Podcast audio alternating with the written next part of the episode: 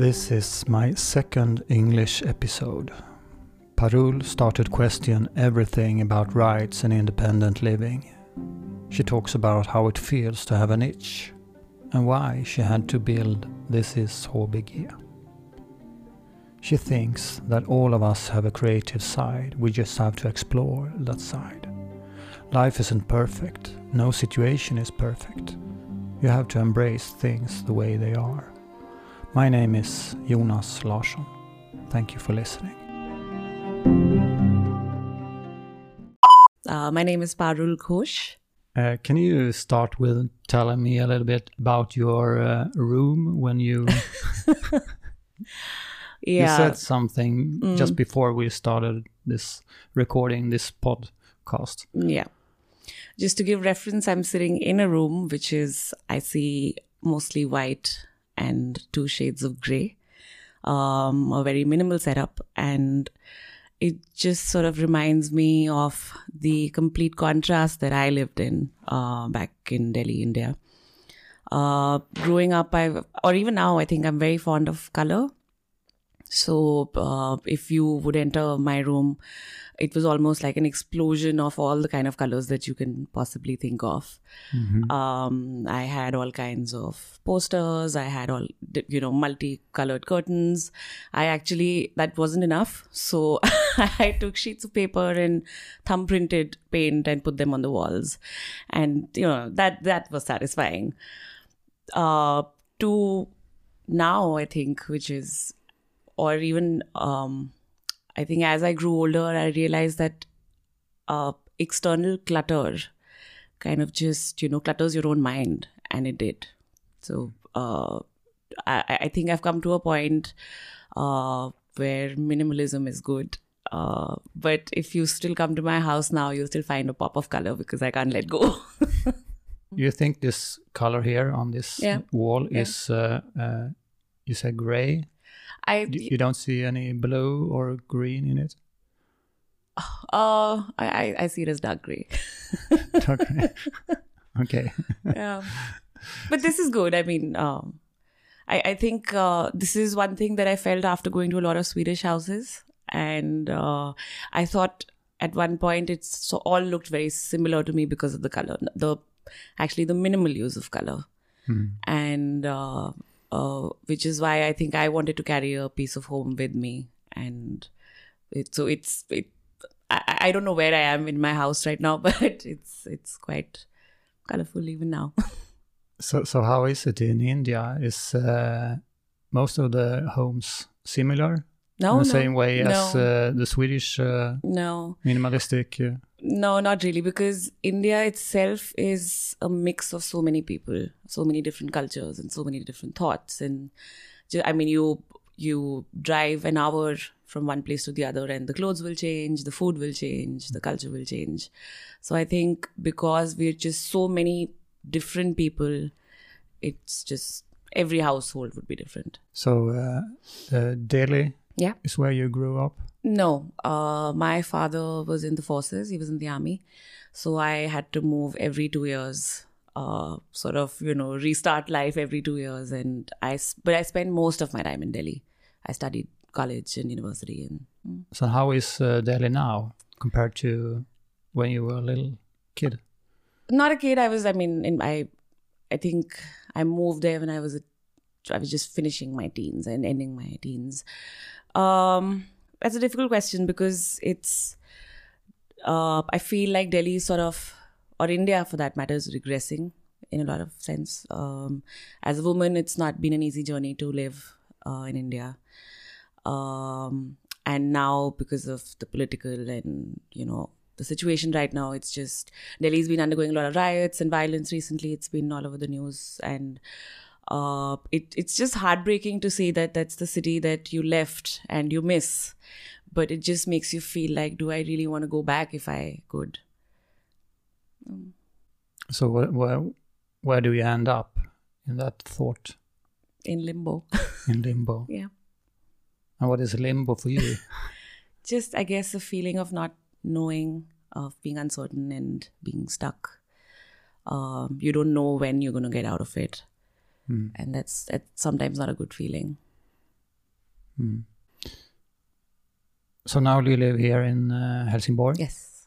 and um this is uh, HBG, Yes. or uh, as This we is say in HBG, Swe- HBG, yeah, yeah. Uh, which is which is uh, short for Helsingborg. yes. It's an English-speaking local uh, recommendation Yes. website Yes. for uh, newcomers, travelers, and anyone else who has not yet mastered the Swedish language. Yes. Can you um, tell me how that started? hmm Um, I moved here about two and a half years back, and um, I mean, it was a leap of faith that I took when on uh, to come here because I, I had you know great work going, and um, but it was just that maybe I felt that I could do with something new. I moved here because of my partner who got a job here, and um, on coming here, I was alone. Obviously, I had no friends. I didn't know the language. And it was almost like you're starting life again. And I was, you know, looking for things. Uh, where do I get, say, like Indian food, of course, I knew, but where do I get Chinese, Asian groceries or small things like that? But it actually started when my third day, uh, my partner had a cricket accident, came back home limping, and he needed a pair of crutches and I didn't know where to go. So I went to the most obvious to Apotek and asked, and there was none. And then they, I, and I think they couldn't give me any answers at that point of where I could get it. And I was just so lost. And thankfully, I found a Facebook group for women in Helsingborg, and I just, you know, put a picture. I found a picture online, and I put a picture of crutches and asked them, where can I get them? At that point, there was a Swedish lady who said, I had an accident two years back, and I have a spare lying if you want to come and take it. So I did. And, but that got me thinking that, you know, this must happen to a lot of people. How do they, if you don't know anyone and if you don't know the language, thankfully in Sweden, I feel like English, you get by with English. Uh, people are very helpful and they're almost apologetic when you tell them that I'm sorry, I don't speak Swedish. But, um, so that really got me thinking of, you know, there should be something which uh, can tell you of the basics. Uh, for example, you know, spring is coming. I'm going to clean up my house. Where do I throw these big bulky boxes? You know, what do I do with them? Um, but that was just an idea. It stayed as as an idea for two years because I didn't push myself enough. I didn't think I'm not a designer. I'm not really a writer. Um, so How- somebody how should do do, you it. know? how do you Yeah. know if you are the right person? I think till the time you don't, um, I, I don't know really. Um, and you know, this it was almost like an itch for me, uh, because I didn't see anybody else do it, and it kept itching and it kept itching, and I felt like, you know what, if nobody's gonna do it, then maybe I should. I don't know how I'm gonna do it, and uh, Have you experienced that itch before? Um, I think I have maybe not with something as big because I think uh, this is Hobike has been a huge part of my journey of really pushing myself out there. Uh, but in small things, I'm sure it has maybe something which is very perhaps insignificant in my life. But uh, even earlier, I mean, I primarily used to work on disability rights. That's my main area of work Yeah. and uh, i think maybe even then i pushed myself to do it because i felt i just wanted to do it um, it it just i I think it you need to get out of your comfort zone to do things that come as an itch because otherwise you never will Was that the hardest part to start? absolutely. Absolutely. I think with the website especially it just felt like i'm i'm on my own. Um i and i don't think i'll have even the financial resources to get uh, you know put up a team together. And and somewhere i don't think i even wanted to because i felt like i want to own this. I've i've always um and that's also something that is very an Indian work culture that it's very hierarchical. You're sort of, you know, you have to work with your under your boss and uh, take orders or give orders. So I've always worked in that environment, and it just felt like I have this opportunity to do something on my own, own it, uh, do it on my own terms, and just you know wing it and see how it goes. And uh, it wasn't easy at all. I felt like giving up many times Um, I mean, I've people around me have seen the months I took just to you know design the first page of the website because I think I kept looking for the perfect page or the perfect text, and at one point I had to let go, say you know I don't think perfect exists, just move on. And what did you learn from that? That life isn't perfect. I think no situation is perfect. You cannot possibly look for the right thing in every situation. You just have to embrace things as the, the way they are and move on. It's been a huge learning in every sense for me. Mm. Can you tell me about how you uh, started questioning questioning everything uh, about rights and independent mm. living? Mm. Uh, how everything was uh, changed for you? Um, I actually got into disability rights because of my mother. Uh, she used to teach, uh, at that point, it was called special education because children were not mainstreamed. And they would, uh, it was very typical to go into a school and find a very isolated classroom for children with disabilities. So she used to teach there, and after my school hours, I would join her and just play with the kids. It was as simple as that. And um, I, I that struck a chord somewhere, and I felt that uh, this is what I want to do. I don't know if it was because I felt good about myself. That's a question that I've always had. Is it, am I doing this or do I want to do this for the children or do I want to do this because it'll make me feel good? Uh, I still haven't answered that question, but um, so that sort of stayed with me and i also studied i did my masters in disabilities and special education. And there i was ready to be a teacher and i went into the classroom and i did a couple of classes and i realized i can't teach. I you know i just can't teach. It i think teaching comes very naturally to people and it's not in me but at the same time i also started questioning a lot of things um, and surprisingly i found uh, in this huge classroom with my colleagues. I was the only one who was concerned about what happens when that kid finishes school or university. How does he or she even step, at least in a country like India, how does he or she even step out of the classroom and, you know, take a bus because your roads are not accessible? And, you know, how do you go to your job and do something because your technology is not accessible? People are not sensitized. So, what happens then?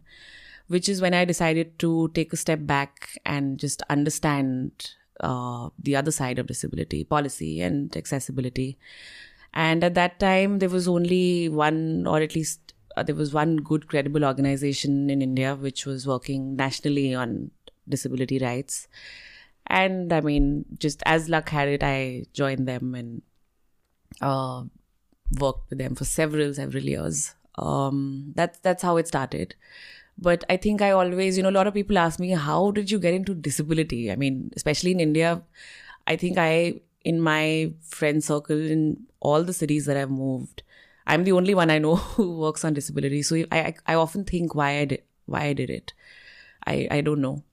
Uh but you saw something that you that made you want to change? I i guess something i mean i guess I, I think it was uh maybe maybe not because oddly enough i mean there are so many people with disabilities in india but you don't see them anywhere. They're not anywhere out on the roads. My friends in fact my closest friends have never even met a single person with disability. And i asked them because i would i was always very curious to know how would you feel if you know a blind person comes into your home? How would you react and what what would you do? Mm. and they didn't know. And i don't blame people because you're not sensitized enough to you know sort of react or uh, be around them uh, i'm very comfortable with that because i've worked with all kinds of people and um, but i still wonder where it all started perhaps in that classroom with my mom something mm. stayed with me Maybe. yeah and does she still work? No, not with, not with the children anymore. But she she does um, because she's also been moving a lot and she's also gone through a lot. Uh, so she spends some time in homeless shelters and teaches children there. Mm. Mm. Did she have the opportunity to visit you here? Yes, she has twice. Yeah. Loved it. She did? yeah, yeah. My parents loved it because they've they're very fond of nature. I've grown up, uh, my you know dad taking us camping, which is not a very I would say not perhaps not very common for kids in That's, India. that's not the first thing that I think. Yeah, no, no, because it's not. because, it's uh, not. Uh, my dad grew up in the hills in a hilly station, and then he's always been very fond of the mountains. I'm very fond of the mountains. So we used to go camping a lot, and then urban life hit us hard. you know, like we lived in concrete jungles uh, throughout. I mean, at least while I was growing up. So when they came here, I could almost, you know, they didn't have to say anything. I could see it in their eyes. There was like this sense of peace that took over them, and it. So I, kind keep telling them, come back often. uh, or kind of a stillness. Yeah, yeah, uh, absolutely. The mind. Yeah. And what what are your favorite places here around? In Helsingborg, Yeah, the forest. the forest. I love it. Yeah. Pålsjöskog. Yeah. I, and I still can't pronounce it. but I love it. I How, think how do you pronounce it? Polsho. Yeah, That's, I'm yeah. getting there. I have a problem with like the word se- the number yeah. seven, and Okay. but I'm getting there. Um, So I so when you when you go to Pålsjöskog, yeah. uh, you walk or uh, just sit there or uh, I don't do go you- with the plan. Uh, whatever. Um, yeah, I mean, um, I've gone walking there. I've gone biking there. Uh, just when I went with my parents, we just sat for a long, long time, and you know, just we were there. But I think for me, firstly, the fact when I came here, the fact that there's a forest in the city itself was a big deal. Uh, perhaps you know, common in Sweden, but that's not not always. yeah i mean i i, I could be wrong. But or, or just the fact that it's so accessible it's so close to you. Um i remember my friends and i at least a friend in particular who al- also loves the mountains we um would you know have to take a day off like maybe a friday or a monday take a long weekend travel an ov- in an overnight bus go to the hills. Just spend you know those few hours like a day and come back because we just needed to get out of the city. But now and she's also visited me here and i the first place i took her was to the forest and like we just looked at each other and saying just I, you're so lucky. And so it, it's a good place for me to i think when i'm feeling for example when i'm feeling stuck or when i'm feeling my i feel like my mind is really cluttered it's a good place to go and just let it all out. Mm-hmm. Is do you, is your mind different now with with that part uh, compared to when you lived in India? How sensitive you are to um clutter or I, I, I don't think I'd compare it to my life in India. I think it's phases which come even here and your age or Eh, phases, like uh, experiences. seasonal yeah, phase- absolutely. I think for me, it's mostly experiences. Uh, you know, like you you go through things. I've I've gone through. Uh, I, I- another very odd situation for me was that in India, mostly you live with your parents till you get married. It's a very common uh, uh, for both men and women.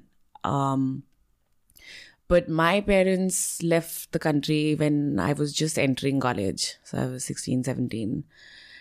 And at that time, I remember I was very excited because, you know, I'm going to live alone in the city. And uh, I found a friend and we started sharing an apartment together. But I mean, in retrospect, now that I look back, it's um, that really changed me to live alone in a city like Delhi and How- to just figure it old out. were you? 16. 16. Yeah. And it was really funny because when my parents did move back, I think they were moving back. They thought that they were moving back to the 16 year old girl, but a lot had changed in my life. And um, it was, uh, I think we took a lot of time to sort of just get to know each other again and how, I mean, I've changed and I've um, gone through so much alone and uh, so that was a phase and i think uh, my mind was very cluttered then but i found ways to declutter it so for and of course i mean moving to sweden itself was such a big step to leave friends and leave work and uh, then i mean the first year itself was very difficult i i i mean i have no shame to admit that there were times that I wanted to go back. And I felt that this is just not going to work. And it, I felt like I'm also somewhere, you know, hampering my relationship with my partner because I'm always like, you know, he comes back from work and I'm always just sitting depressed. And it was also winter, so my first winter. So these are phases which come and go, and I feel that they will come again, and I should just be prepared. So, what was the hardest questions mm-hmm. uh, back then to yourself when you felt uh, that you yeah. hesitated if you wanted to stay or go back? Um, I think a, a couple of them. I felt that I you know, I've been doing this great work in Delhi, and I was also working uh, internationally quite a bit with an organization, and I just felt that, you know, I could actually be doing great work if I just go back. Uh, I, I felt that, you know, there was a lot of ego in me to feel that this is just not working, and why did I leave my life? Um, I also, uh, it was very confusing because at one point I actually liked uh, feeling that you know sometimes alone is good. I've always it forces you to sort of just think within and like my mom used to tell me and that that thought has stayed with me a lot that if you can't be content alone and if you can't you know like if you're alone and you constantly have to either pick up a book or read some you know watch something and you just can't be alone with yourself how do you expect somebody else to be you know around with you? And that i think has has always always stayed with me. And i realize i do that a lot. I get you know restless and bored and i have to watch something or read something or just i'll just clean the house. I need to keep my uh, keep myself busy. Um, so moving here at uh, especially in that time of the year forced me to be with myself after a very very long time or maybe for the first time. Uh, i like that but at the same time, I felt like, but I could just be with friends. So it was a very confusing time for me. I like the fact that uh, it's quiet. I I haven't been in that environment for so long, but yet I would miss my friends and miss my active life. So it was really strange to or very difficult to actually make a decision. Do I like this or not, mm. or do I like that? And and how how long will this uh, continue? Uh, Mm. I mean, was that the question that you thought of? You, you it was the first time. Yeah. That um, you experienced this. Uh, it was. It was hard, but you didn't know how long uh, time it will will go before it's it was over, or when you will feel better. Mm. Was that hard to to not know? Absolutely, not knowing and uncertainty. Mm can be very difficult. And that that's exactly what happened. I've i i thought is this just how my life is going to be in a state of confusion of not knowing if i like this or not? Or is something going to change? And nobody can answer that for me. Mm. so that, it wasn't easy. Was that uh, one of your biggest uh, uh, struggles or obstacles in your life no, I've had a few. You have others? Yeah. Can you, do you want to uh, tell me a little bit mm. uh, how, uh, how, how was that? Mm. What have you been struggling with or mm.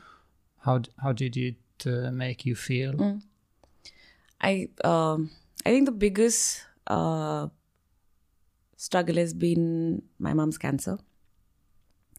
And um, that was also because we were living in different countries. I had just started working, so I wasn't, you know, doing financially so great that I could just, you know, hop flights and keep moving from place to place. But um, that that was, I mean, now that I think of it, it was like another lifetime. The strength that I think I got from her instead of give, being her strength has been a huge learning for me. And um, we, in fact, I remember very clearly I was in New York for work and I came back. My brother, uh, uh, I, I came back home and I, you know, obviously was tired and I was sleeping. And my brother, who was visiting me at that time, came to my house. I opened the door, very sleepy, and he uh, said, "Sit down. We need to talk." And then he just, you know, he just said, "Mom has cancer, and we need to figure out what to do."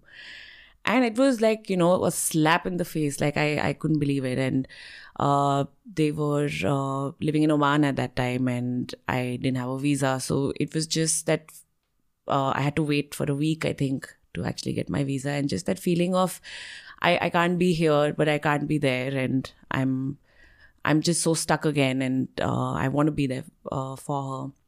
So I took like a temporary leave, not knowing if I'm going to come back, and I finally went there, and uh, then it was like a long journey of just we lived in hospitals, and then she eventually decided to move back to India. In India, also we moved from one hospital to the other, and my father couldn't be with us at that time because he had to figure out he'd just moved to another country by then, and my brother was somewhere else, and I think I just it was a huge test for our family. But in all of this, I think my mother and I found each other again you know we it was just like this new relationship and um and i mean i i remember even though by then I was an adult, she would scold me so much, even when one tear would come out. And she says, You know, I can't, I can't keep holding you on and I can't keep telling you to be strong because you have to be my strength. And we. Did, did she, she said that? Yeah, yeah, yeah, yeah. And, um, and she would tell me that if you want to you know it's it's absolutely normal to feel a certain way go take a walk let it all out and come back. Because when i see you i've become weak. And she didn't want to see you sad. No. She uh, i mean of course she it's not like it just wasn't allowed. But she just said that we need to be strong for each other. But there were also moments where we held each other and cried. Because you know it just i think my safest space and my safest space even now is her mm and um, so uh, I think that is uh, interesting. Also, what is it to be strong? Mm. Did you see it? Uh, how did you see it uh, back then when it happened? What were you thinking? I don't think I was thinking because they were just because it was just the two of us. I had so much to take care of, or at least I think I did or maybe I didn't. I think I was just just running all over the place and not. I, I don't know, but coming back to your question, I think strength.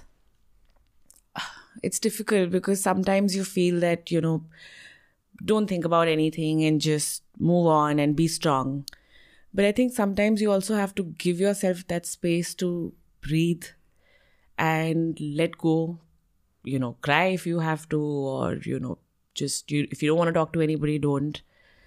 But strength sometimes is a facade where which you and you know like this this mask you put on and but you don't really let your feelings uh you know come out or or you don't acknowledge your feelings. And that itself can be very unhealthy i think.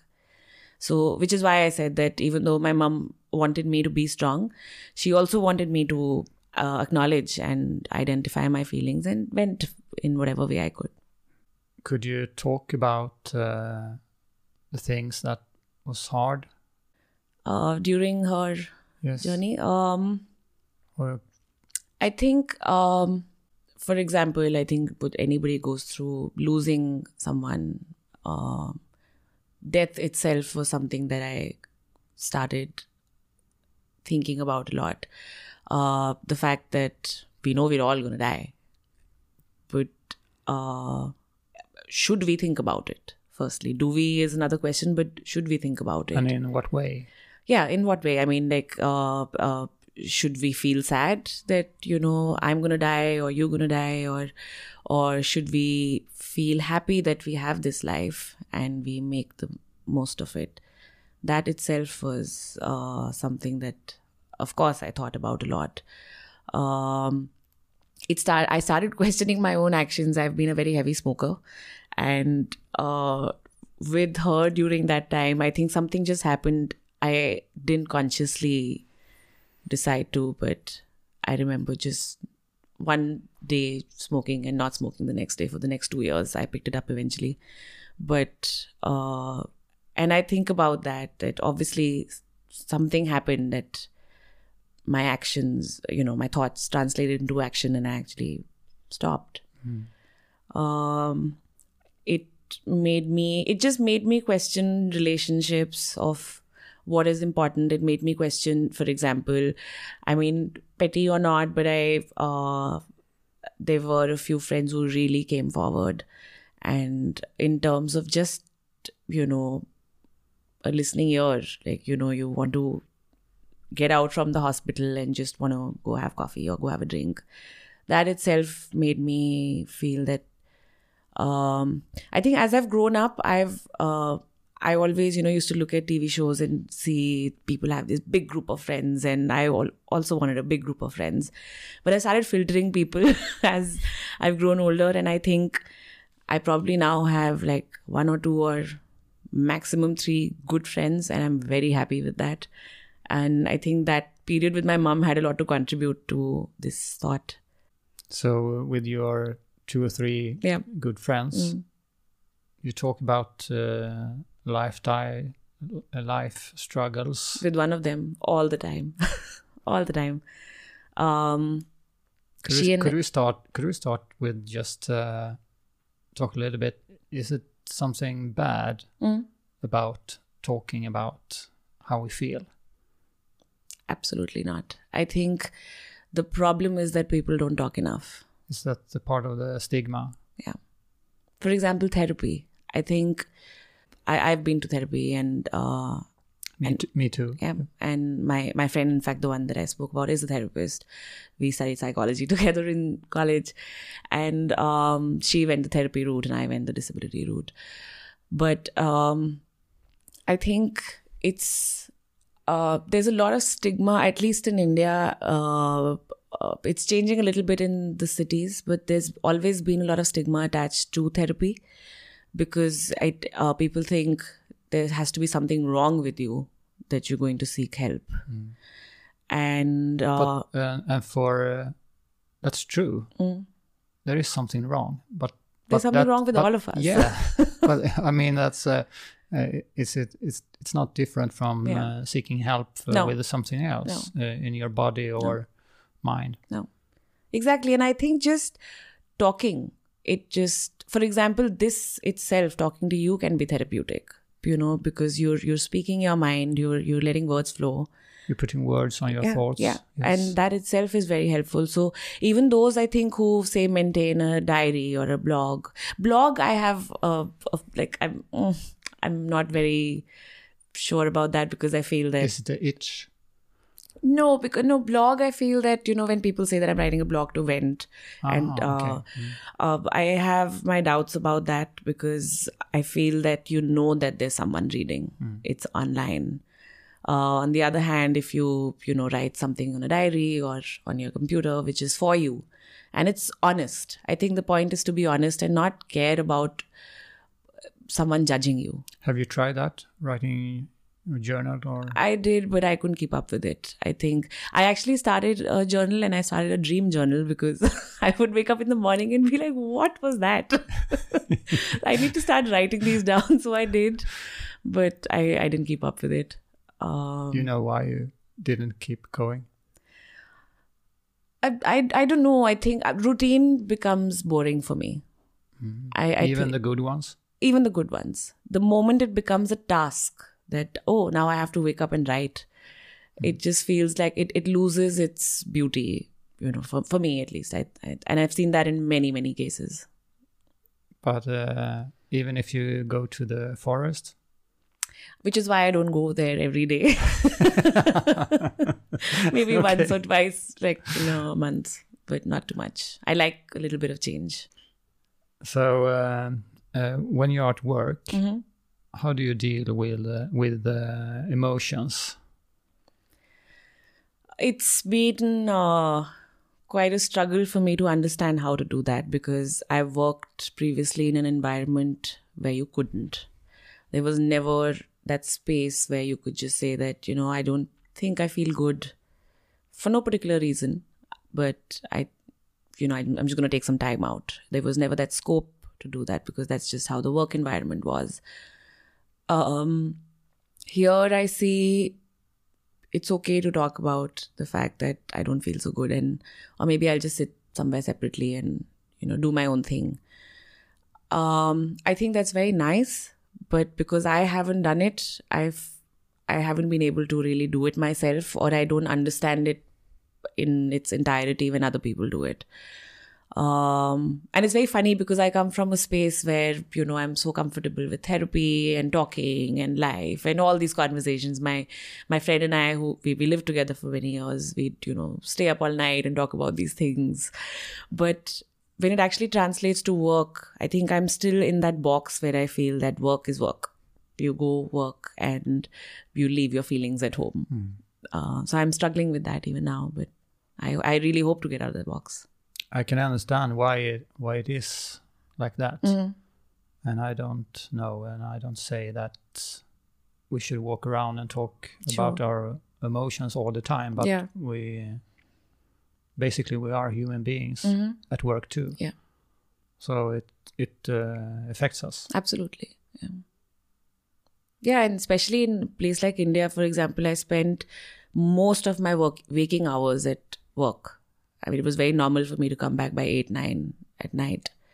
And I think that was itself a big struggle because when you're spending 12 hours or, you know, 10 hours at work and you can, there's just no scope of feeling anything, it can be very difficult. So uh, I think it was very hard on my friends because I'd come back and it would just be like a blast of you know all these things that I've been going through, and I mean I really pity them for having gone through that with me, but they stuck around. There's a difference uh, between men and women in, in India. Yeah. lot. I know there Yeah, is, yeah. but uh, so that wasn't my best question Mm. today. But if you can uh, elaborate that uh, a little bit yourself, Mm. uh, gender equality. in every sense i think i mean india is a patriarchal country um uh you know women have a very defined role of homemakers and housewives. And i mean we use the term housewife uh, in urban cities now you use homemaker. But it's not something that is well respected as such. And i mean um now when i see that you know we and we always have people to do things for you in the house because there's just so many people. I came here once and i actually counted the number of people that i had as help from the moment i woke up to somebody who came to my home to pick up my garbage uh, for somebody to come and pick up my clothes for ironing to a cook to a cleaner. And like i mean i listed out at least 10 people who would just come before i left for work. And when I had to come and do these things on my own here, I realized that, you know, I mean, people really need to see how life is outside India to start respecting women for the kind of work that they even do at home. But coming back to that, I mean, there's, you know, in terms of jobs, in terms of pay, there's just a huge, huge gap that still exists uh, between men and women. Women, and of course, I mean, you'll find it in cities that things are changing. Women are uh, even sort of going towards a path of rebellion to break those notions, and I think that's the only way you can do it, um, because there are families which are still very conservative. Uh, you still have, I mean, arranged marriages where women are not allowed to work after, you know, you get married. So all kinds of things in cities and villages, and yeah, I mean, it. it uh, plus safety, of course, is a huge issue. So there's just all kinds of things when it comes to the whole men- gender gap. So how would you uh, how would you define creativity? Oh, um, a I think it's recognize not even recognizing. I think it's uh, pushing yourself to a point where you let go of the daily, you know, mundane things. Uh, all of us have a creative side. I think. Um, for many of us, we- we're very naturally gifted, and it's very um, you know like i can paint and i can dance and i can sing it's very obvious things but like i've gone through this thing of i'm not creative i have friends i've i've uh, always had a group of friends who were musicians, for example. And at that time, I felt like, oh, I should play an instrument. I, I could play an instrument. Um, so, but I couldn't. And then I, you know, I recently went to an event here where there were a lot of people singing beautifully. And I was like, oh, I wish I could sing. And um, so even now, I struggle with the fact that I don't think I'm creative, but I think we all are. We just have to explore that side and it'll come to us. Just comfort zone. I always come back to comfort zone because I think the moment you push yourself a little bit to do things. For example, today being here with you is me pushing myself out of my comfort zone to talk about myself and you know my thoughts. Uh, creativity comes out of the most simple things that you're not expecting it. You know, expecting uh, to find it there. Yeah, I mean, I, I I still don't know what it is. Uh, how, how I would define it, where I would find it. I haven't found it for myself, but I know it's there there's a lot of potential in everyone and So you think about it. i do yeah Where do you think it comes from? um from within clearly but also from i i i think you have to take time out to talk to people to you know or whatever like if you like reading read. If you like talking to people talk. But external factors also influence uh, a lot i think.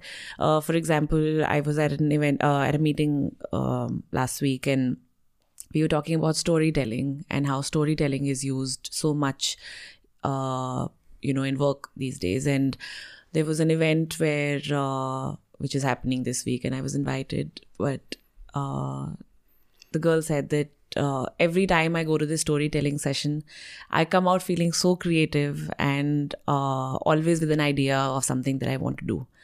So it it I think it can just come from the most unexpected situations, but it's important I feel to listen or to just take in things. You have to be open to take in things, and something will spark in you, and you'll get an idea to do something.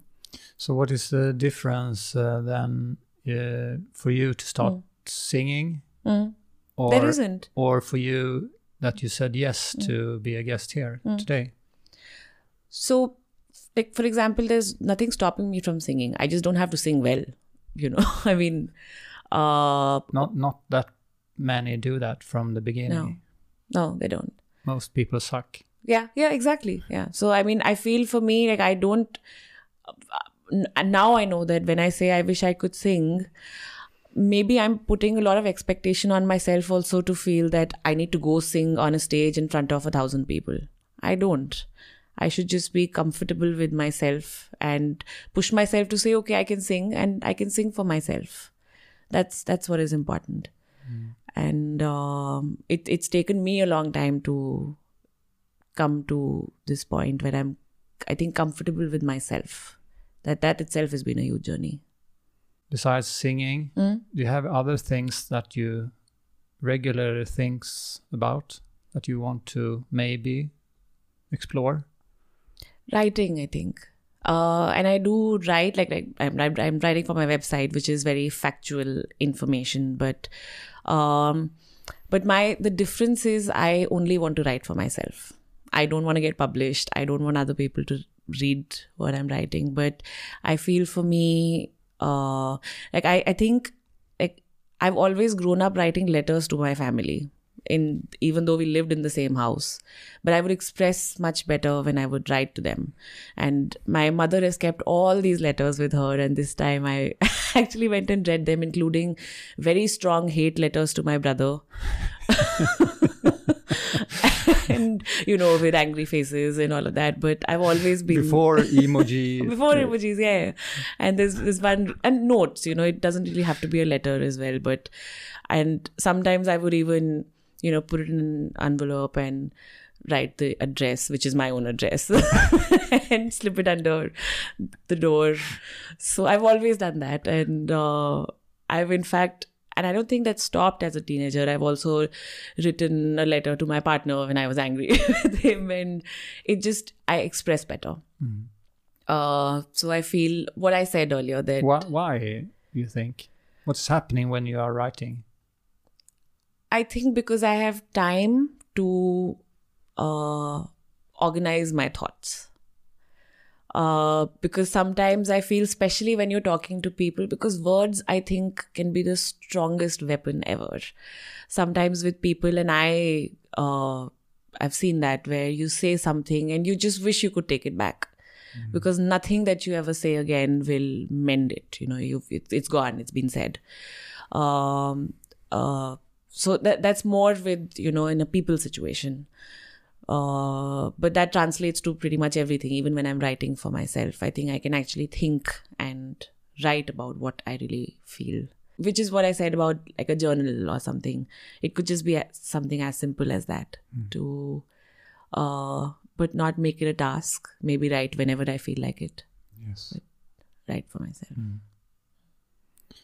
Have you figured out your uh, why? my why. Your, bi- your big uh, why? Oh, uh, I think I'm. It's funny you say that because just yesterday, I think I was talking to a colleague about I'm feeling very frustrated right now. Why? What am I doing? Why am I here? Not like in life. I think the whole meaning of life is another question altogether. But uh, I haven't. No, to just be short, I haven't. That that frustration. that why changes often you know like that why was different when i was in college for example it was why am i studying this and not something else or you know why am i working in this and not something else why am i moving to sweden and not somewhere else you know so that it comes in different situations but um I think there is a bigger why somewhere. Like I see my partner who's uh, much older than me.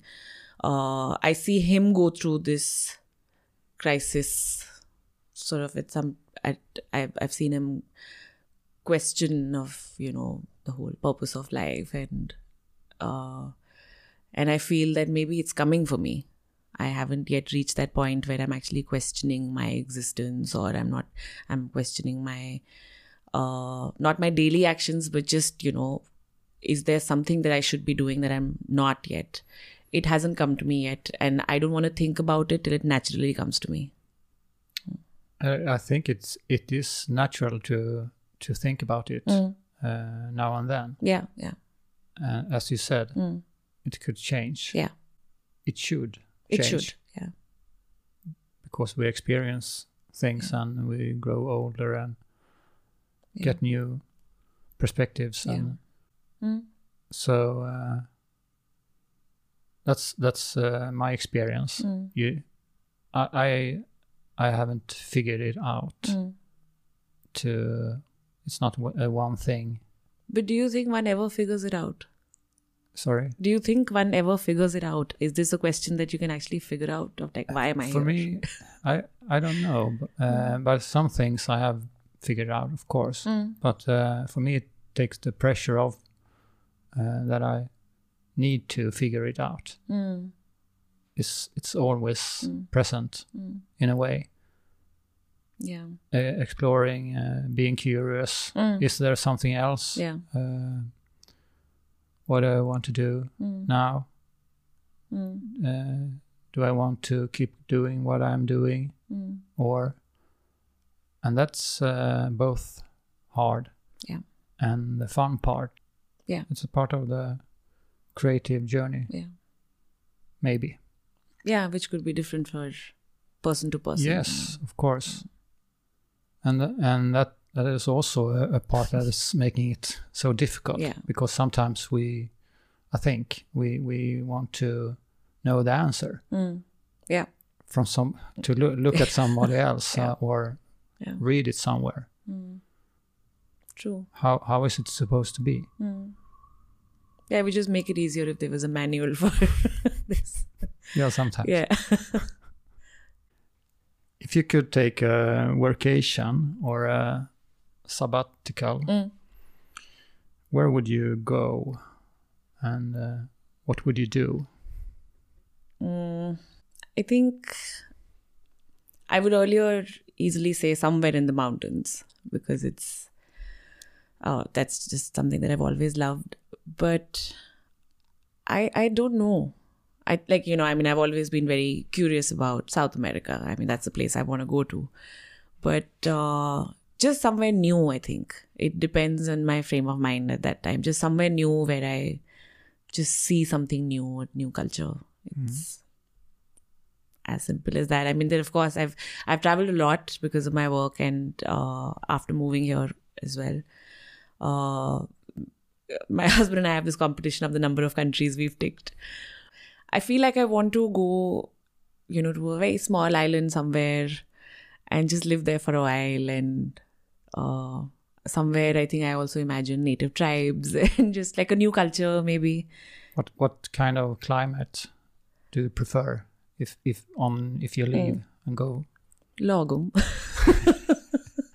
because I actually You are, don't you like are fully integrated in the Yeah. Swedish society. I was actually talking to somebody. Oh, yes, check. Because um, I actually don't really like. Uh, I mean, of course, I like the summer, but um, I get really bad headaches when it's uh, very sunny. So that's something that uh, is uncomfortable, and I can't be one of those lucky people who are out, you know, on the beach. And uh, I don't mind the cold too much. So it'll have to be somewhere in the middle because, of course, who doesn't like the sun? Have you been in uh, North Sweden? I haven't, no. That's something that I have been wanting to do There for a while. some nice mountains there, Mm. and in Norway as Yeah, well. Norway I've been for a little while, but I, I feel like I, I I I should explore Sweden more. Mm. So I I'm, I could tell you that I want to go to Kiruna in December and I want to work on a book. Mm. But what if I go there and I'm in a state of mind or in a phase of life where I'm not feeling so great? I then I'll, I think I'll add to the fact that I was supposed to work on it and then feel worse. So it Could be. yeah. Mm. So I, I I I don't know how how one can progress and move on beyond that. Do you have any other thoughts on that? Uh, how to make that uh, creative uh, state of mind to happen I think without being without feeling the pressure? Mm. I think that's the thing. Pressure is the word because you sometimes put so much pressure on yourself that it, you know, it just has to be this way. And um, I think the other thing is accepting failure. We, uh, many of us can be sore losers and not accept failure the way it should be accepted. Um, I've gone through things where, you know, I've started things and I've given up many things. It could just be a, as simple thing as a journal. But But, it- If, if it's okay, Mhm. uh, is it is that a failure?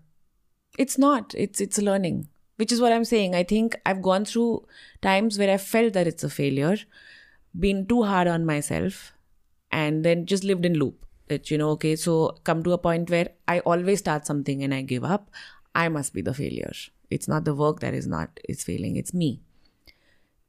But instead, I could just say that at least I'm doing thing, new things and I'm trying new things. Each thing is probably leading me to something else. And um, and I think like this is Obege, the website. It's uh, I mean, the amount I pushed myself, and I feel like all those little little failures in life of trying to write something, trying to design something, trying to, you know, do something has led me to this. And it may be a, just a very small website but it's a huge accomplishment for me personally from the things that i've let go in the past and the things that i've um, so I, I think accepting failure is where your creativity will begin. The moment you learn to or one learns to understand that things will never be perfect and you will encounter new things that you weren't expecting to in the first place and that it may not even work and you may end up doing something completely different is where you know you open your mind to new things. That that's the most important. So, do you know uh, what things that are opening your mind so that it could happen? um i've come to this point where i've um talk talking to people i think really helps me um and getting perspectives because sometimes you feel that you're the only one in this situation, but there's so many more. And it may not be the same situation, but they're going through, you know, their own crisis in some form or the other, which can really help you in your own creative process or, you know, whatever you're going through. Uh, that that helps a lot. Um, and it doesn't even have to be personal. You know, you could just listen to people and just feel that everybody has a story of their own and you know they've they've either found a way out of it or they've you know accepted the fact that things are a certain way so i think talking listening which is where even therapy comes in for example.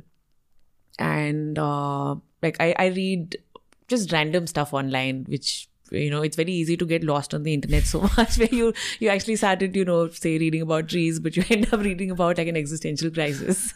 Somebody's going through. So it's it's good to keep your mind open in whatever form you're comfortable with. A lot of people don't read or a lot of people don't like talking to people. So in whichever form i think you can just get input in is good. Do you read uh, do you have any book recommendation that you want to share? Or blog or? Yeah uh, the hitchhiker's guide to galaxy is a good book i think for people. I mean it's it's not nothing to do with it just makes you uh, what what's the best thing about that? Why why is it good? The meaning to the life universe and everything. I, yeah. I, that's such a great example i think um, have you have you read it once or I've read it in read it in its entirety once, but I always go back to little parts. I haven't read it in a very long time now. Mm. In fact, I don't have a copy now. but uh, uh, where, where did it go? It's somewhere lost in the all the moving. Okay. But uh, one thing that stayed with me from that book was, uh, for those who know, don't know, I mean, it's um, there's a question about what is the meaning of life, the universe, and everything, and the answer is 42.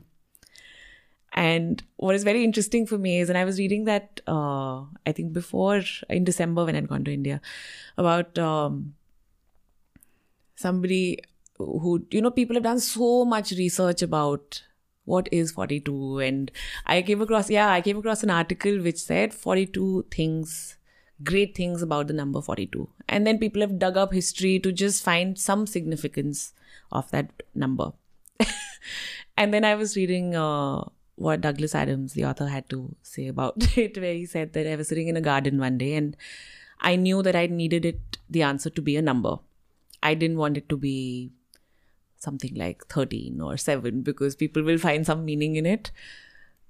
So 42, yeah, why not? And it's as simple as that. You know, sometimes things don't have to have a deep meaning, or sometimes they, you know, it's just very simple, but we complicate it. And it's it's my favorite story for, you know, uncomplicating things and just letting it be simple. Mm. Development. Mm-hmm. And I will begin with a question uh, that uh, I think it's uh, I'm not sure if it's uh, appropriate to to ask, but uh, I don't have any hidden agenda. Mm. So uh, my question is how life would be different for you if you were born the opposite gender. In India, much easier. I think it's um, there are multiple struggles that and i mean every woman i think goes has a different story but i only know my own and i don't think i have the agency to talk about anybody else's life. So as uh and even then i think i've been extremely lucky to have the kind of family and uh, support that i had to live a very i think normal life. But uh, even then it would have been much easier as a man i suppose. But um, having said that, I wouldn't change it for a thing. I think I've uh, I've I've embraced being a woman and uh, very well. And um, just I, I, the short answer is I suppose it would be easier. Can you share some of your thoughts on the challenges mm. we have as a society when we talk about equality? When uh, so for me, when I think, when I hear of questions like this, I always sort of end up comparing you know, then versus now, or um, uh, developing countries where I've lived and worked versus now where I'm living. And it's very interesting because I actually can see differences or I can see, um, um, like for example, here I don't think I've, I don't think I'm integrated or mixed enough to actually know um, what really is under the surface.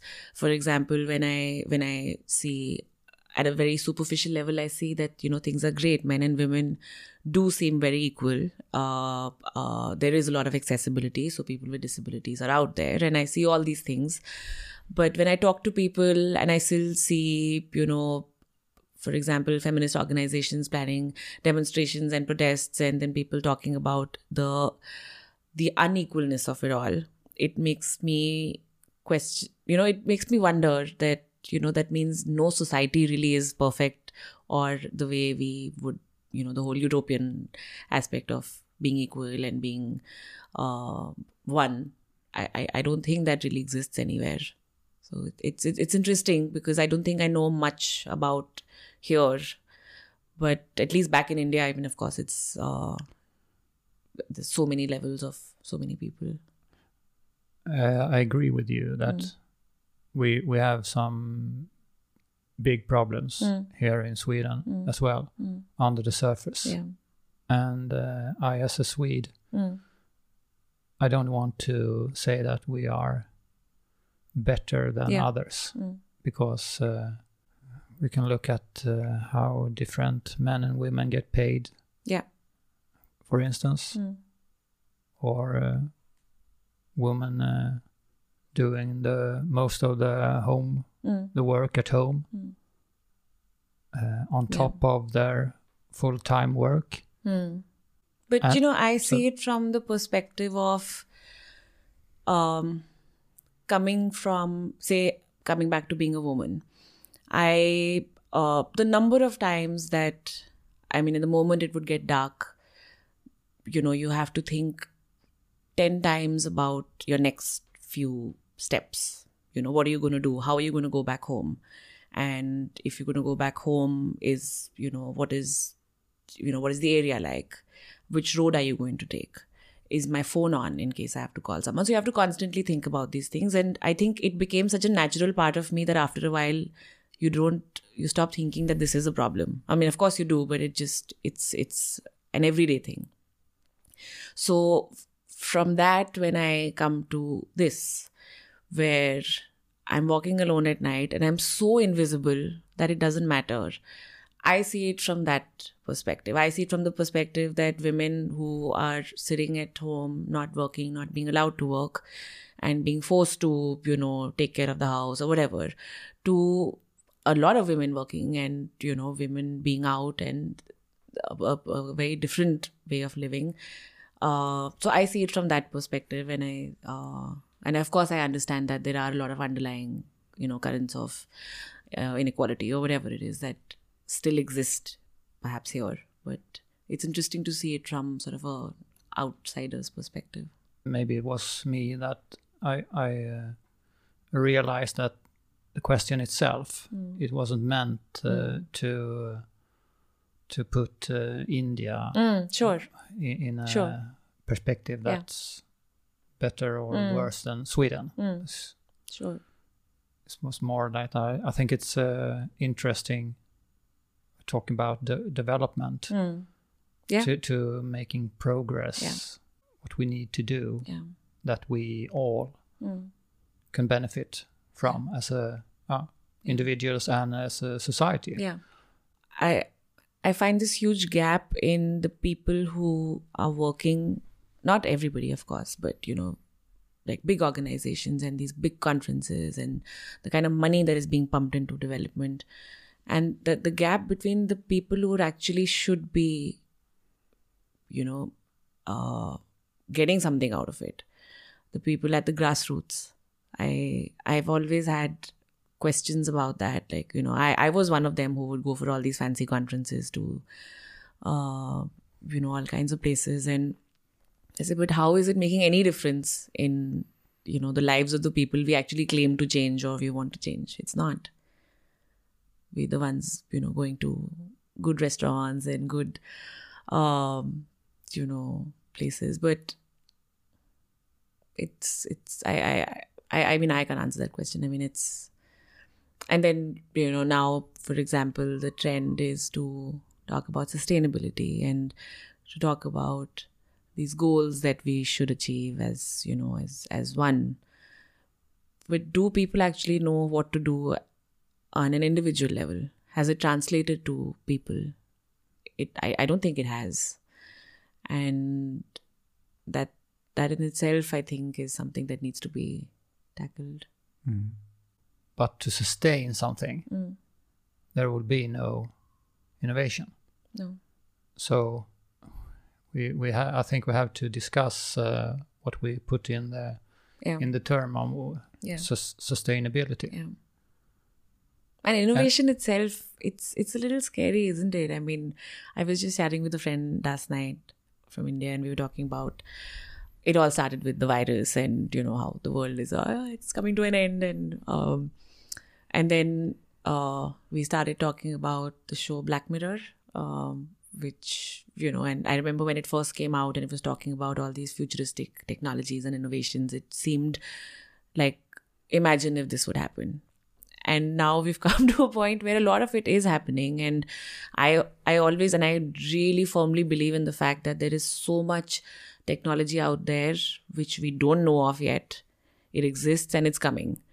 And um my partner and i and a few friends here we often talk about ai and the ethics of it. Uh how much is you know too much and uh, how much is of it is going to interfere in our lives and take over our lives. And it's I, I find it very fascinating. I, I don't come from a tech background at all but it's interesting to know when it talk when it comes into people's lives and morality and is it right or wrong? What is right or wrong? And how does it affect? how does it affect? Like it's going to take over your yeah. yeah, It's, it's it's quite interesting to Uh, where where do you usually end up in this? nowhere. nowhere. I think as usual. no yeah as usual. I, one question that we always sort of try and talk about is that can you think of one profession or one job you think that will not be taken over by ai and i remember my answer was therapy. That you know because you need uh somewhere i think it, other like one thing is to you know talk to a wall because you just want to talk but there's a reason why there's a human sitting on the opposite end and so we, we you know we talked about all of that and literally 5 days later i read an article about the first uh, bot therapist which is being tried and it was just so fascinating that it's happening i mean so It is fascinating, yeah. And uh, and a little scary. Yeah, it's scary. Because we don't know what Mm. will happen. Yeah Uh, and and I think it's uh, at least two uh, separate things, uh, parts Mm. of it. The one part is what is possible, hmm and the other part is uh, what we want. Mm. Why do we want that to happen yeah or change? Mm. I mean, uh, technology itself yeah doesn't have the need. mm. no So uh, it's one big challenge to not get lost. yeah What we are seeking for, it is what we are hoping for, what we want to achieve, mm. and why. Mm. I mean, this conversation, yeah uh, al- almost today, mm. or at least in a very near future, Mm. uh, we can uh, shift one of us, yeah yeah a- and it would be a bot instead, yeah having this conversation, sure and it will, and it will, it would ge- probably give you at least some satisfaction. mm. Oh, that was a interesting yeah, yeah conversation, or true gave me some new thoughts, Mm. or I, I think never stop questioning for anything. That's you know what we spoke about earlier about creativity and about getting stuck and just don't stop questioning, don't stop looking within. questions is uh, It's important. it's a fuel for uh, yeah. development. Absolutely. Talk, yeah, talking about yeah. that, here's uh, my next question. yes. um, if you could uh, teach a course hmm uh, on any subject, Oh. what would it be? Oh. you know, even that has changed from time to time. I think it was earlier because that was my work. I would probably it it because I've thought about this question. I think I've been asked this before in one of those you know forums or workshops that I've gone for. Uh, it was uh, the obvious answer was disability, and I talk about sensitization and. But I mean, if I could, I it would be to do something to do with people, uh, and just the layers of people, everything that is you know hidden behind what is obvious, the face, something to do with that, I guess. And what what is it that is uh, so interesting? People are fascinating. Every person has a story. Every single person has a story. Um, an interesting story or a boring story. It doesn't matter, you know, but there is something. And uh, it's just so good to hear and learn from people.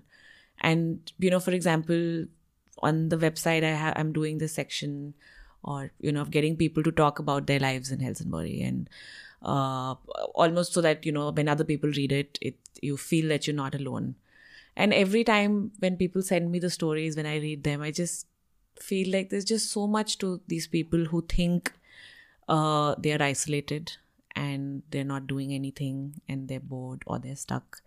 But you have a story and you've you know you've you've written it so beautifully and I it's very nice. So maybe even storytelling, for example, I could um, that's something um, that I've come across recently as a tool.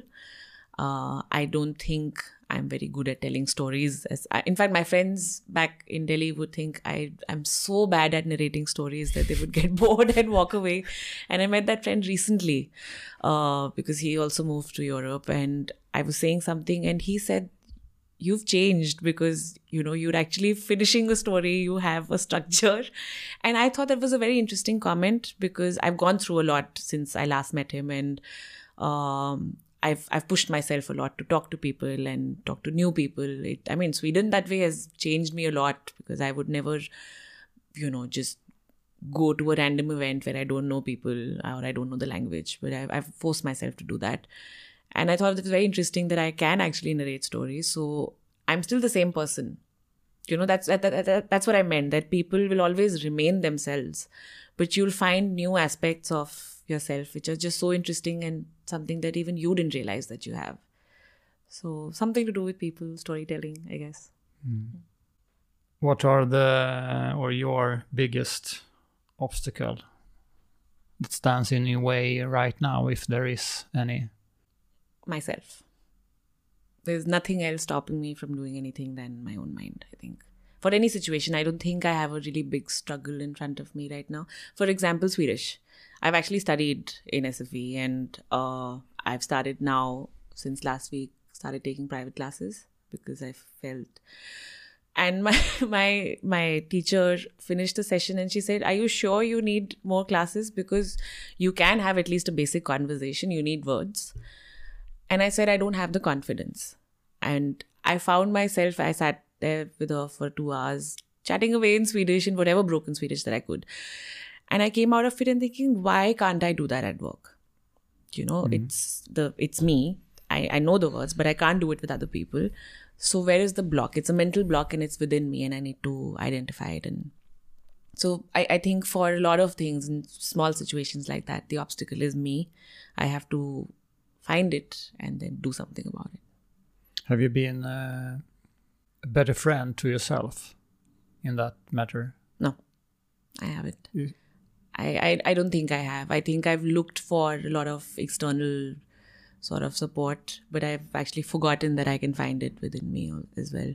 And that's something that I've been thinking about that, uh, and you know, going back to what my mom used to say that be happy with yourself first and then find support outside.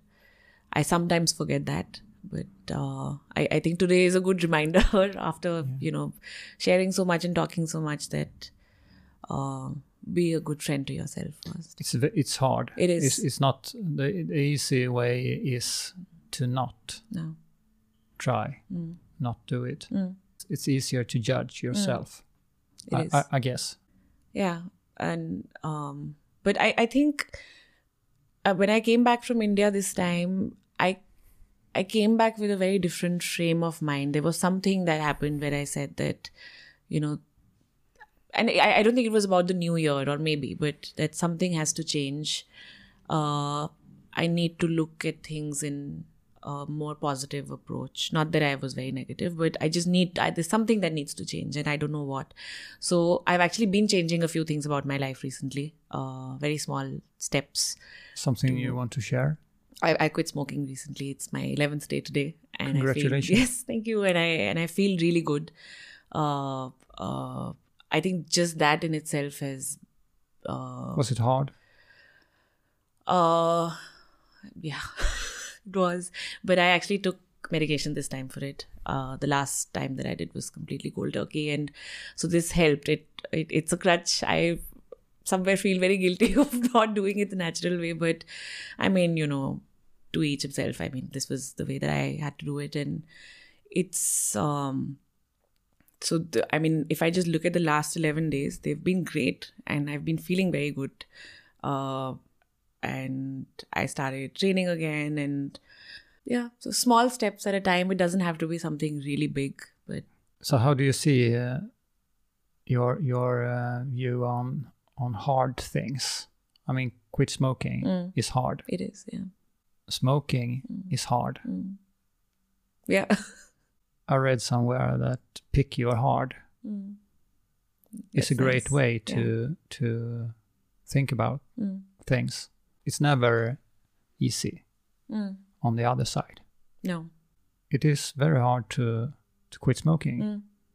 but uh, it's very hard to keep smoking as well. Yeah. Pick I- your heart. I like that. Pick your heart. Yeah. yeah. Nice. And also one thing that I like about that is uh, the hard Mm. uh, part of life or what it is. We don't gain so much to avoid it Mm. No. or being afraid of it. No. I mean, it's very, very cliche to, Mm. to say that, Yeah. but but uh, it's uh, st- maybe not state of mind Mm. or or but uh, it's a different way to to think about. I mean, we talk about innovation, Mm. creativity, Mm. being stuck, uh, being alone, Mm. doing what you want to, fight for what you believe in. Yeah. I mean, none of that is easy. No. It so, not So why why do we so often Mm. longing for the the easy ride? What do you think when I'm saying that? it isn't uh, it's not easy. And i know like i'm saying that you know things like pick your heart and you know look within and uh, you have to go through it. And all these things are very easy to say. I don't mean that i do them. There are so many situations where i take the easy route because it's just it's it's easier. But um and i think when it comes to difficult situations or it comes to you know difficult thoughts i don't think you actively need to go and find them. That oh i need to confront myself. So what should it be? I don't I, I don't think that's the right way to do it either. What i mean is that when a situation when you encounter something which is difficult either a decision or you know a situation or a person uh, let it naturally come to you where you're forced to think that okay i need to deal with this and this is the easy route and this is the hard route. What are the consequences of either or whatever whatever is your way. Uh, don't actively go looking for problems I, I suppose but when they do come to you um, uh, sometimes it's okay to take the hard route because it'll make you think and you might just come out a completely different person realize things about yourself which you haven't before so through all my struggles or you know or even non struggles every day I, I i i think now i've come to a point where i just let things take its natural route sometimes the easy way out because it's just It's, uh, is it a way of balancing? it is Things. it is Or how would you describe when you're cooling, cooling yeah down? cooling down yeah Cooling down. Um, the future. yes What what worries you the most about the future? I think the uncertainty of something. Uh, I mean, if I look at it from an individual level, I, I I think I should not think about the future too much. You know how they say, live in the moment and embrace the present. Uh, I, I I do see meaning in that uh, because sometimes you end up not living and not enjoying your present. So at an individual level, I think that uh, at a societal, global level, just everything that is happening around the world is worrying, and it just it. But you know, you can't do anything about it because I'm, as an individual, of course, you can, but it um, oh, time will tell. I mean, this uh, your site, your website, Mhm. It's uh, it's a thing that you are Yeah. doing Yeah. to affect the future in a way Yeah. for Absolutely. for people or Yeah. if we talk about the society a little bit Mm. or the big world Mm. what are the biggest uh, challenges I see this shift in uh, mindsets, which is uh, something that I didn't when I was growing up. Uh, I see, for example, governments in a lot of countries being influenced by, uh, not in a lot of countries, like for example in India, I see religion being a huge topic right now, and people, I, I see the world being divided for whatever reason for you know either you know your belief in a certain religion your belief in uh you know preserving your people in your society and not letting others come in for whatever reason that it may be but I, the world is being divided and it's not a good thing. You know the question what is meaning uh, what is the meaning with life? And the name of this podcast is vad är meningen med hela skiten? Mm. and skiten is uh, in that in this matter is uh, life. Mm. so if if you could uh, try to answer what is the meaning of life? 67 um i i don't think there's supposed to be a big sort of cosmos fancy meaning to it. It's what you put to it. My meaning has changed. Like i said i haven't found the big why. I haven't encountered the big why. Um but i i think it's come from i have to contribute to you know the world or i have to do this i have to do that. But i think at this point my mean my mean my answer changes but at this point i think is to be happy to be content with within myself. Because once that happens i think it'll automatically sort of happen on the outside with people. But i think everybody defines their own meaning. There there possibly can't be one answer. And it's up to you how you define your life the meaning of your life your existence why what is beyond the universe all of that is how how you see it. Should we say so? Yes. Thank you thank you. for being a guest thank you for Today. having me here